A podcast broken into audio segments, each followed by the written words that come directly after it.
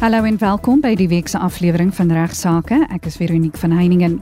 Na aanleiding van menigte e-posse wat ons die afgelope ruk in verband met deeltitel eenhede ontvang het, gaan Ignas die onderwerp bespreek. Vandag, soos Veronique gesê het, gaan ek hopelik baie goeie raad gee en waardevolle inligting gee vir eienaars van deeltitel eenhede en natuurlik ook hopelik vir die bestuur, die trustees In die tweede deel van regsaake sluit spesialis gas strafregkenner Dr. Llewellyn Kerr-Lewis by my aan om te praat oor metodes wat in die reg bestaan om 'n beskuldigde se teenwoordigheid by 'n verhoor te verkry.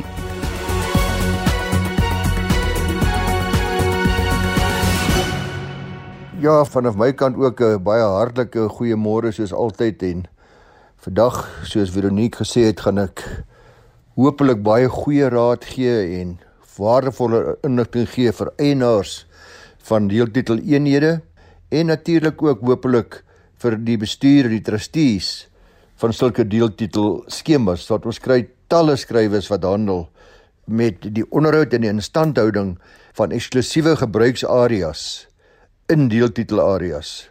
Ons het so skrywe ontvang van Luzet Pretorius. Dis duidelik dat sy baie goed ingelig is want sy verwys ook dan na die eksklusiewe gebruiksareas en na sekere artikels van die deeltitelwet wat moontlik daarop van toepassing kan wees.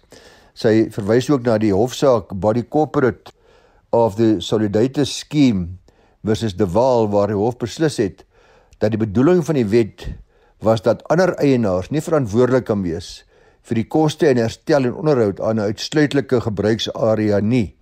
Nou met hierdie gedagte vra sy dan as my transport net my eenheid as my eiendom meld, hoe kan ek dan verantwoordelik gehou word vir die herstel en onderhoud van byvoorbeeld die muurtjie om my tuin of my waterpyp wat buite my eenheid op die persee lek? Ons praat van die sogenaamde common property for exclusive use. Ek het tog nie my eiendom wat nie my eiendom en verseker nie aan my behoort nie, ook daarvoor verantwoordelik gehou word nie. Dan sê sy sy luister graag. Nou hierdie vraag Lizet is 'n goeie vraag en word deur baie gevra. Ek het gaan kers of steek by Retief van Willig, 'n direkteur van van Willig ingeluif hier in Rustenburg wat 'n ware spesialis is op hierdie gebied. Hy bestuur baie sulke deeltitel skemas hier in ons gebied en ek beskou hom as iemand wat met gesag hieroor kan praat. Hy antwoord dan vir ons as volg. Hy sê daar's baie verwarring by deeltitel eienaars oor waar die grense van die eiendom is wat op hulle titelaktes geregistreer is. Die kort antwoord is die middel van die mure van die wooneenheid wat onder dak is. Met ander woorde, oomblik wat 'n persoon by sy deur uitstap, stap hy dadelik op gemeenskaplike eiendom, naamlik dit wat aan almal in die skema in onverdeelde aandele behoort. Gevolglik luisteraars is byvoorbeeld jou tuin, jou parkering, soms ook jou balkonne en jou stoep voor jou eenheid nie in jou naam geregistreer nie. Persone mag dalk vir die parkering in die motorhuis en die tuin betaal tydens die kooptransaksie, maar dit sal nie op die titelakte geregistreer wees nie. Die feit dat niemand anders toegang het tot die huis of die tuin of die lapa of die swembad of die motorhuis of wat ek nogal nie op jou erf het nie, maak dit nog ongelukkig nie jou eiendom nie. So as beheerliggame of ontwikkelaars niks gedoen het om die gebruik van tuine, parkeerplekke of balkonne te formaliseer by wyse van notariële aktes of by wyse van reëls wat by die CSOS geregistreer moet word nie, dan praat ons sê retief van ongereguleerde gemeenskaplike areas. Dan is hy tuin, die lapa of die swembad daar tot die gebruik van almal in u skema. So belangrik is u gemeenskaplike areas gereguleerd of ongereguleerd. Dit sal daarvan afhang wat die antwoord is op ons luisteraars en ander se vrae.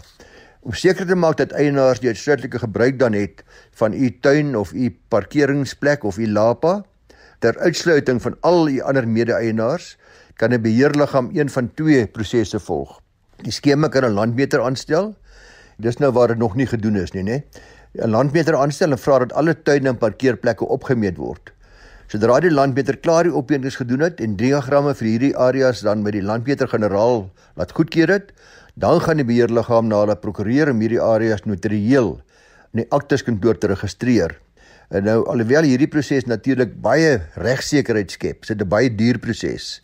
Maar tog is daar die voordeel dat dit dan duidelik deur titelakte aangedui word hierdie hele gebruiksgebied wat dan ook jou alleen gebruiksgebied word. Die ander proses om ook so uitsluitlike gebruiksgebied te skep is bewyse van artikel 10 se artikel 7 van die Wet op bestuur van deeltitel skemas dan word dit gedoen in terme van die bestuurs- of gedragsreëls wat geskep word. Die wet vereis dan dat daar 'n behoorlike uitlegplan volgens skaal opgestel word waar tuine, parkeerplekke, moontlik in sommige gevalle balkonne geïdentifiseer word en die gebruik van daardie areas moet dan ook aangedui word baie spesifiek. 'n Skedule word dan ingesluit wat aandui aan watter eenheid die betrokke area toegewys word. Baie kortliks hierdie proses in praktyk as volg werk. Die skema besluit om hierdie gebruiksareas aan sekere eenhede toe te ken. Die trustees gee opdrag aan 'n persoon wat die uitlegplan moet opstel. Hoef nie noodwendig 'n landmeter of argitek te wees nie. Die skema stel dan reëls op in betrekking tot die gebruik van hierdie areas. Wat gewoonlik sê dat jy uh, nommer 10 kan hierdie areas spesifiek uitsluitlik gebruik en nommer 11 kan daardie areas gebruik. Konsepreëls word dan op 'n spesiale vergadering van eienaars saam met die diagram goedgekeur. Dit sal dan deel word van die skema se gedragsreëls of bestuursreëls. Dit is makliker om dit by die gedragsreëls in te sluit glo retief omdat dit slegs nodig is om 'n spesiale besluit te neem. Teenoor die eenparige besluit en hier dit wel by die bestuursreëls wil insluit. Jy sal onthou ek het al voorheen gesê, bestuursreëls kan net eenparig gewysig word, gedragsreëls kan gewysig word deur 'n gewone spesiale besluit te neem hoef nie eenparig te wees nie. Nou sodra die beheerliggaam dan besluit het om hierdie reëls en diagramme te aanvaar, dan word dit na die CSOS gestuur vir goedkeuring. Indien dit goedgekeur word, sal 'n sertifikaat van goedkeuring uitgereik word. Belangrik dat die regte eers gevestig word sodra die reëls en die diagram behoorlik by die CSOS geregistreer is en daar 'n sertifikaat van goedkeuring uitgereik is. Nou 'n klompie vrae. Goed, kom ons aanvaar nou dat in u geval is daar 'n behoorlike sertifikaat uitgereik. U uitsluitlike gebruiksarea is goed beskryf en behoort net aan u. Nou kom daar 'n paar baie praktiese vrae natuurlik wat ons moet beantwoord. En die mees belangrike een sekerlik om te vra wat kan 'n mens doen op daardie uitsluitlike gebruiksgebied? Kan ek iets bou of oprig? Ja, met toestemming van die meerderheid van die eienaars by 'n algemene vergadering wat goedkeuring verleen om byvoorbeeld strukture soos laapas, swembaddens, afdakke op te rig, kan jy dit doen. Let wel, trustees het nie die magte. Sommige dink hulle het. Hulle het nie die magte om toestemming te verleen vir die oprigting van laapas, swembaddens, afdakke op betrokke gebruiksgebiede nie. So net u mede-eienaars kan dit doen met 'n meerderheidsbesluit by 'n algemene vergadering. Afgesien daarvan moet jy steeds by die munisipaliteit goedkeuring kry om strukture op u betrokke gebruiksgebied op te rig. 'n Volgende vraag: Wie is verantwoordelik vir die onderhoud en die kostes? Dit wat ons luisteraars spesifiek wil weet op hierdie uitsluitlike gebruiksgebiede en strukture te onderhou. Nou antwoord is maklik, die beheerliggaam is verantwoordelik. Behalwe luisteraars, dis belangrik waar die reëls van die skema bepaal dat eienaars daarvoor self verantwoordelik is. So in praktyk gaan dit wees indien die beheerliggaam die onderhoudsplig het, sal daar 'n addisionele heffing saam met die gewone heffing betaal moet word. Indien die reëls bepaal dat eienaars die onderhoudspligte in opsigte van die gebruiksarea wat uitsluitlik is het, dan sal die eienaar verantwoordelik wees vir hierdie koste. So hulle sê jy moet gaan kyk of die reëls so bepaal, anders het die beheerliggaam die onderhoudsplig. Indien 'n eienaar na nalaat om onderhoud in opsigte van hierdie strukture op sy area te doen, dan kan die regspersoon natuurlik die onderhoud self doen en die kostes van daardie eienaar verhaal. Nou watter kostes praat ons van? Watter kostes met betrekking tot uitsluitlike gebied word gewoonlik gehef deur die uh, regspersoon? Dis versekerings, elektrisiteit, waterverbruik, erfbelastings. Die belangrike deel om in gedagte te hou is as die reëls van 'n skema nie die onderhoudsplig en koste verbonde aan uitsluitlike gebied aan die eienaars toeken nie, dan moet die beheerliggaam dit self betaal en die gebied onderhou. Nou weer eens moet beheerliggame baie mooi gaan kyk wat die posisie is in hulle skema. Jy moet eienaars ook gaan seker maak. En waarvoor mag 'n uitsluitlike gebruiksgebied gebruik word? Let wel, dit skep groot probleme want dit mag slegs gebruik word vir die doeleindes soos aangedui by deelplan of die diagram wat hierdie regte skep. So byvoorbeeld kan 'n tuinarea nie nou skielik gebruik word vir parkering nie. Of 'n laapak kan ook nie omskep word in 'n slaapkamer of 'n stoorkamer nie. Nou wie's verantwoordelik om hierdie grense of tuinmure tussen uitsluitlike gebruiksareas te onderhou? Weereens die beheerliggaam behalwe as die reëls van die skema bepaal dat die eienaars wat die voordeel van die grensmuur het, self verantwoordelik is om die koste daarvan te dra en dan behoort daar reël te wees dat albei 50-50 daarvoor verantwoordelik is en hulle moet dit self dan reël. Ook 'n belangrike vraag is gaan die gebruiksgebied wat aan die eenheid toegeken is outomaties in 'n nuwe koper oor of moet daar 'n aparte registrasie plaasvind as u eenheid verkoop? Ook hier is die antwoord dat slegs in geval van uitsluitlike gebruiksgebiede wat met 'n notariële akte geskep is en ek hoop u moet seker maak dat dit in u geval so is, dan moet 'n aparte registrasie plaasvind. Uitsluitlike gebruiksgebiede wat in terme van die reëls geskep is, word wel outomaties oorgedra sonder enige registrasiehandelinge. So luisteraars, retief sluit af deur te sê dis altyd baie belangrik om te verseker dat die tuin, parkeerplek, u motorhuis waarvoor betaal is beskryf word in terme van die reëls van die skema of dat daar 'n aparte notariële akte bestaan wat die gebruik van hierdie areas behoorlik uiteensit. Ek hoop van harte dat ek talle van u se bekommernisse en navrae beantwoord en sê weer eens baie dankie aan Retief van Willig wat so gaaf was om vir ons te help en as u verdere raad wil hê, is jy welkom om hom te skryf by retief@vonlaw is v o n l a w.co.za retief by vonlaw v o n l a w.co.za groete tot volgende week maandag om 12:30 Dankie aan Ignas vir sy raad oor deeltitel eenhede. Die week sluit strafregkenner Dr. Llewellyn Kerloos by my aan om te praat oor metodes wat in die reg bestaan om 'n beskuldigde se teenwoordigheid by 'n verhoor te verkry. Welkom terug by regsaake Dr. Kerloos. Dokter, watter metodes bestaan in die reg om 'n beskuldigde te verplig om 'n verhoor by te woon? Die belangrikste metodes om dit te bewerkstellig is deur middel van 'n dagvaarding, 'n skriftelike kennisgewing om te verskyn, 'n akte van beskuldiging of die inhegtenisname van die beskuldigde.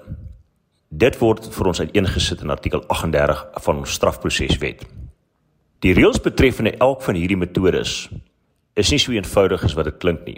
Maar ek gaan probeer om dit kortliks te verduidelik en ook na sekere voorbeelde in die verband te verwys. Nou, wat is 'n dagvaarding?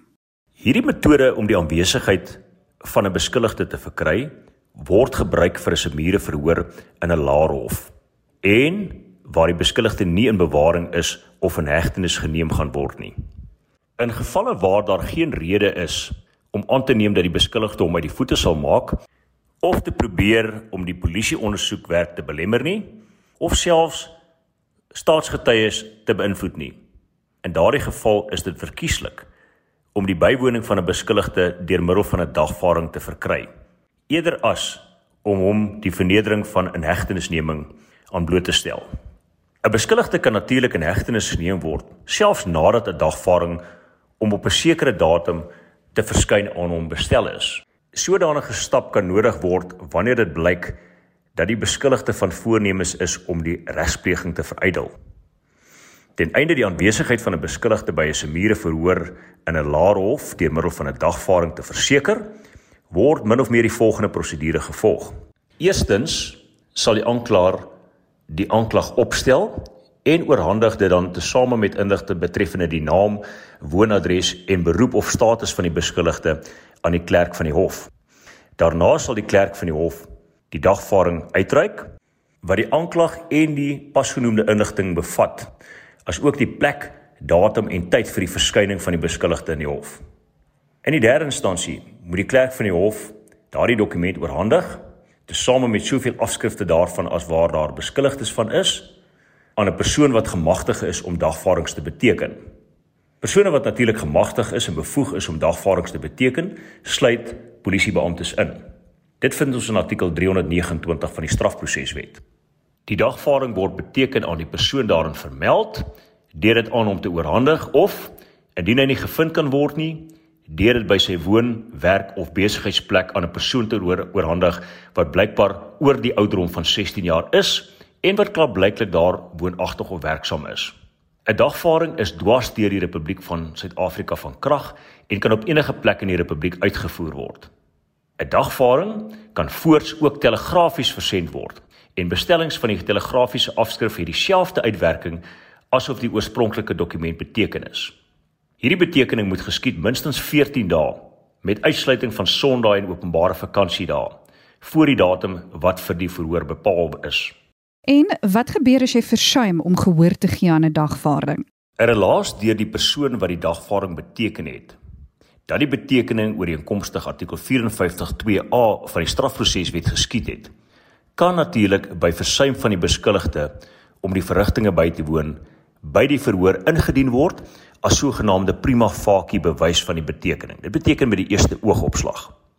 Indien 'n persoon wat gedagvaar is, versuim om op die vasgestelde plek, datum en tyd te verskyn of versuim om aanwesig te bly, is hy aan 'n misdryf skuldig en strafbaar met 'n boete of gevangenisstraf vir hoogstens 3 maande. Indien die hof uit die relaas oortuig is dat die dagvaarding behoorlik beteken is en dat die beskuldigde versuim het om te verskyn of aanwesig te bly, kan die hof 'n lasbrief vir sy inhegtenisneming uitreik. Kragtens die strafproseswet moet die hof by die uitreiking van die lasbrief 'n endossement op die lasbrief aanbring dat die beskuldigde sy skuld ten opsigte van die betrokke misdryf kan erken en 'n boete soos in die dagvaarding bepaal kan betaal sonder om in die hof te verskyn. Die hof kan 'n verdere endossement op die lasbrief aanbring dat die beskuldigde sy skuld ten opsigte van sy versuim om in die hof te verskyn ook kan erken en die boete soos vasgestel in die lasbrief tot inhegtenisneming kan betaal. Die bedrag vir sodanige boete mag nie meer wees as die skulderkenningsboete wat vir sodanige oortreding in die eerste instansie vasgestel kan word nie. Indien die beskuldigde nie die skulderkenning betaal soos op die lasbrief geïndoseer nie en hy voor die hof verskyn, stel die hof natuurlik op 'n summiere wyse ondersoek in na sy versuim. Die hof kan hom dan aan 'n misdaad skuldig bevind, tensy die beskuldigde die hof oortuig dat sy versuim nie aan enige skuld aan sy kant te wyte was nie.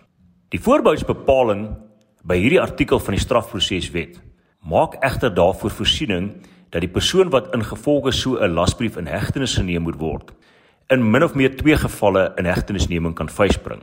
Naamlik in die eerste instansie waar dit aan die beampte wat die lasbrief uitvoer, blyk dat die beskuldigde die dagvaarding ontvang het maar wel ooreenkomstig 'n waarskuwing ingevolge artikel 72 van die strafproseswet in die hof sal verskyn. Dan, daardie geval, kan hy die beskuldigde ingevolge sodanige waarskuwing vrylaat. In hierdie geval het die betrokke beampte dus 'n diskresie. En in die tweede geval, waar dit aan die beampte wat die lasbrief uitvoer, blyk dat die beskuldigde die dagvaarding nie ontvang het nie of dat die beskuldigde 'n skulderkenningsboete betaal het of dat daar ander gronde bestaan waaruit blyk dat die versuim van die beskuldigde om op die dagvaarding te verskyn nie aan enige skuld aan sy kant te wyte is nie. Vir sodanige doel kan die beampte dan die beskuldigde aansê om 'n beëdigde verklaring of 'n bevestiging te verskaf. Hy moet dan, hier's nie 'n diskresie nie, maar 'n verpligting die beskuldigde ingevolge artikel 72 van die strafproseswet op waarskuwing vrylaat. So, In hierdie laasgenoemde geval het die beampte geen diskresie nie. Wat is 'n skriftelike kennisgewing om te verskyn? Indien 'n vredesbeampte op redelike gronde dink dat 'n landdroshof by veroordeling van 'n persoon weens 'n misdaad 'n boete sal oplê wat nie meer is as die bedrag wat die minister van tyd tot tyd in die staatskoerant bepaal, dan is daardie bedrag R5000 kan oplê nie, kan hy aan die beskuldigde 'n skriftelike kennisgewing oorhandig waarin in die eerste plek die naam, woonadres en die beroep of status van die beskuldigde vermeld word. In die tweede plek die beskuldigde aangesê word om by 'n bepaalde plek op 'n bepaalde datum en tyd te verskyn om te antwoord op 'n aanklag dat hy die betrokke misdaad gepleeg het. In die derde instansie dat 'n endossement ooreenkomstig artikel 57 vervat word waarin die beskuldigde sy skuld ten opsigte van die misdaad kan erken en 'n bepaalde aangeduide boete kan betaal sonder om in die hof te verskyn. En laastens, in die vierde plek, 'n sertifikaat deur 'n vredesbeampte onderteken bevat waarin die vredesbeampte dit stel dat hy die oorspronklike kennisgewing aan die beskuldigde oorhandig en verduidelik het. By die versuim van die beskuldigde om op so 'n skriftelike kennisgewing te reageer, is die bepalinge van die strafproseswet, meer bepaald artikel 55 wat ek reeds verduidelik het ten aansien van dagvaardings, net so van toepassing op artikel 56 skriftelike kennisgewings om in die hof te verskyn. Let wel, So 'n kennisgewing is nie 'n dagvaarding nie. Eerstens hoef dit nie aan al die vereistes van 'n dagvaarding te voldoen nie. Tweedens is dit nie 'n hofprosesstuk in die sin dat 'n strafsaak daarmee begin word nie. 'n Dagvaarding aan die ander kant is so 'n prosesstuk wanneer bevat reeds die klagstaat terwyl die klagstaat in die geval van 'n skriftelike kennisgewing nog opgestel moet word. Die doel met hierdie prosedure is klaarblyklik om die beregting van geringe oortredings te verhaas. Wat is 'n akte van beskuldiging? By 'n verhoor voor 'n afdeling van die Hooggeregshof word die aanklag in 'n dokument vervat wat 'n akte van beskuldiging heet en dit word in die naam van die direkteur van openbare vervolgings opgestel. Die akte van beskuldiging bevat die aanklag teen die beskuldigde, sy naam, adres, geslag, nasionaliteit en ouderdom en moet ook vergesel word van 'n opsomming van die wesenlike feite in die saak as ook 'n lys van die name en adresse van staatsgetuies. Meer bepaald is artikel 144 1 2 en 3 van ons strafproseswet van toepassing op akte van beskuldiging. Die akte van beskuldiging word tesame met 'n kennisgewing van verhoor minstens 10 dae met uitsluiting van Sondae en openbare vakansiedae voor die verhoordatum aan die beskuldigde beteken tensy hy tot 'n korter tydperk toestem. Betekening van die akte van beskuldiging aan die beskuldigde geskied op 'n wyse soortgelyk aan die wat ons reeds bespreek het onder dagvaardings. Of in die alternatief, deurdat die landros wat die beskuldigde vir verhoor na die Hooggeregshof verwys, dit aan hom persoonlik oorhandig. 'n Relaas van die wyse van betekening, bediening, is prima facie bewys van die betekening daarvan. En versuim om te verskyn het presies dieselfde implikasies as wat ons reeds bespreek het onder dagvaardings en skriftelike kennisgewings om te verskyn. En net ter afsluiting Dr. Kerloos, wat van arrestasie dan? Die begrip arrestasie en inhegtenisneming dra presies dieselfde betekenis. Enige een van die twee kan gevolglik gebruik word. Inhegtenisneming verteenwoordig een van die mees drastiese inbreukmakings op die regte van 'n individu. Byvoorbeeld, sy reg om nie arbitrêr of sonder gegronde rede sy vryheid of sy reg op vryheid van beweging ontneem te word nie. Dit is natuurlik artikel 12.1a en 21.1 respektiewelik van die grondwet. Dit is daarom ook nie verbasend nie dat ons strafproseswet streng reëls neerlê oor wanneer 'n persoon gearresteer kan word. In gevolg die strafproseswet is 'n private individu of selfs die polisie slegs in sekere uitsonderlike omstandighede gemagtig om iemand sonder 'n lasbrief in hegtenis te neem. Enige arrestasie sonder 'n lasbrief wat nie uitdruklik deur wetgewing gemagtig is nie, sal onregmatig wees. Selfs 'n polisiebeampte wat met 'n lasbrief vir die inhegtenisneming van 'n persoon gewapen is, moet behoorlik sorg dra by die uitvoering van sy plig daarkragtens. As hy deur sy nalatigheid die verkeerde persoon sou arresteer, kan hy 'n aksie weens onregmatige arrestasie verplig word om 'n groot bedrag skadevergoeding aan die gearresteerde te betaal. Hierbenewens moet 'n gedagte gehou word dat indien die gearresteerde die reggeldigheid van die arrestasie en aanhouding aanveg, die bewyslas op die arresteerder of die persoon wat die arrestasie laat uitvoer het rus om die regmatigheid van die arrestasie te bewys. Indien 'n persoon bevoeg is om 'n ander in hegtenis te neem, sal 'n onbehoorlike motief met die inhegtenisneming nie die regmatigheid van daardie inhegtenisneming beïnvloed nie. Op 'n volgende geleentheid dink ek is dit nodig dat ons kyk na die presiese vereistes vir 'n regmatige inhegtenisneming en selfs die inhegtenisneming met lasbriewe en alles wat daarmee gepaard gaan. Maar genoeg daarvan vir eers. Baie dankie aan strafregkenner Dr. Llewellyn Kerloos vir sy bydrae tot vandag se program. Ek bedank net graag weer ook vir Ignas Kleinsmid wat ook vroeër in die program sy bydrae oor deeltitel eenhede bygedra het. Vir enige navrae stuur gerus 'n e-pos na my toe by vero@rsg.co.za. Van my Veronique van Heiningen groete tot volgende week.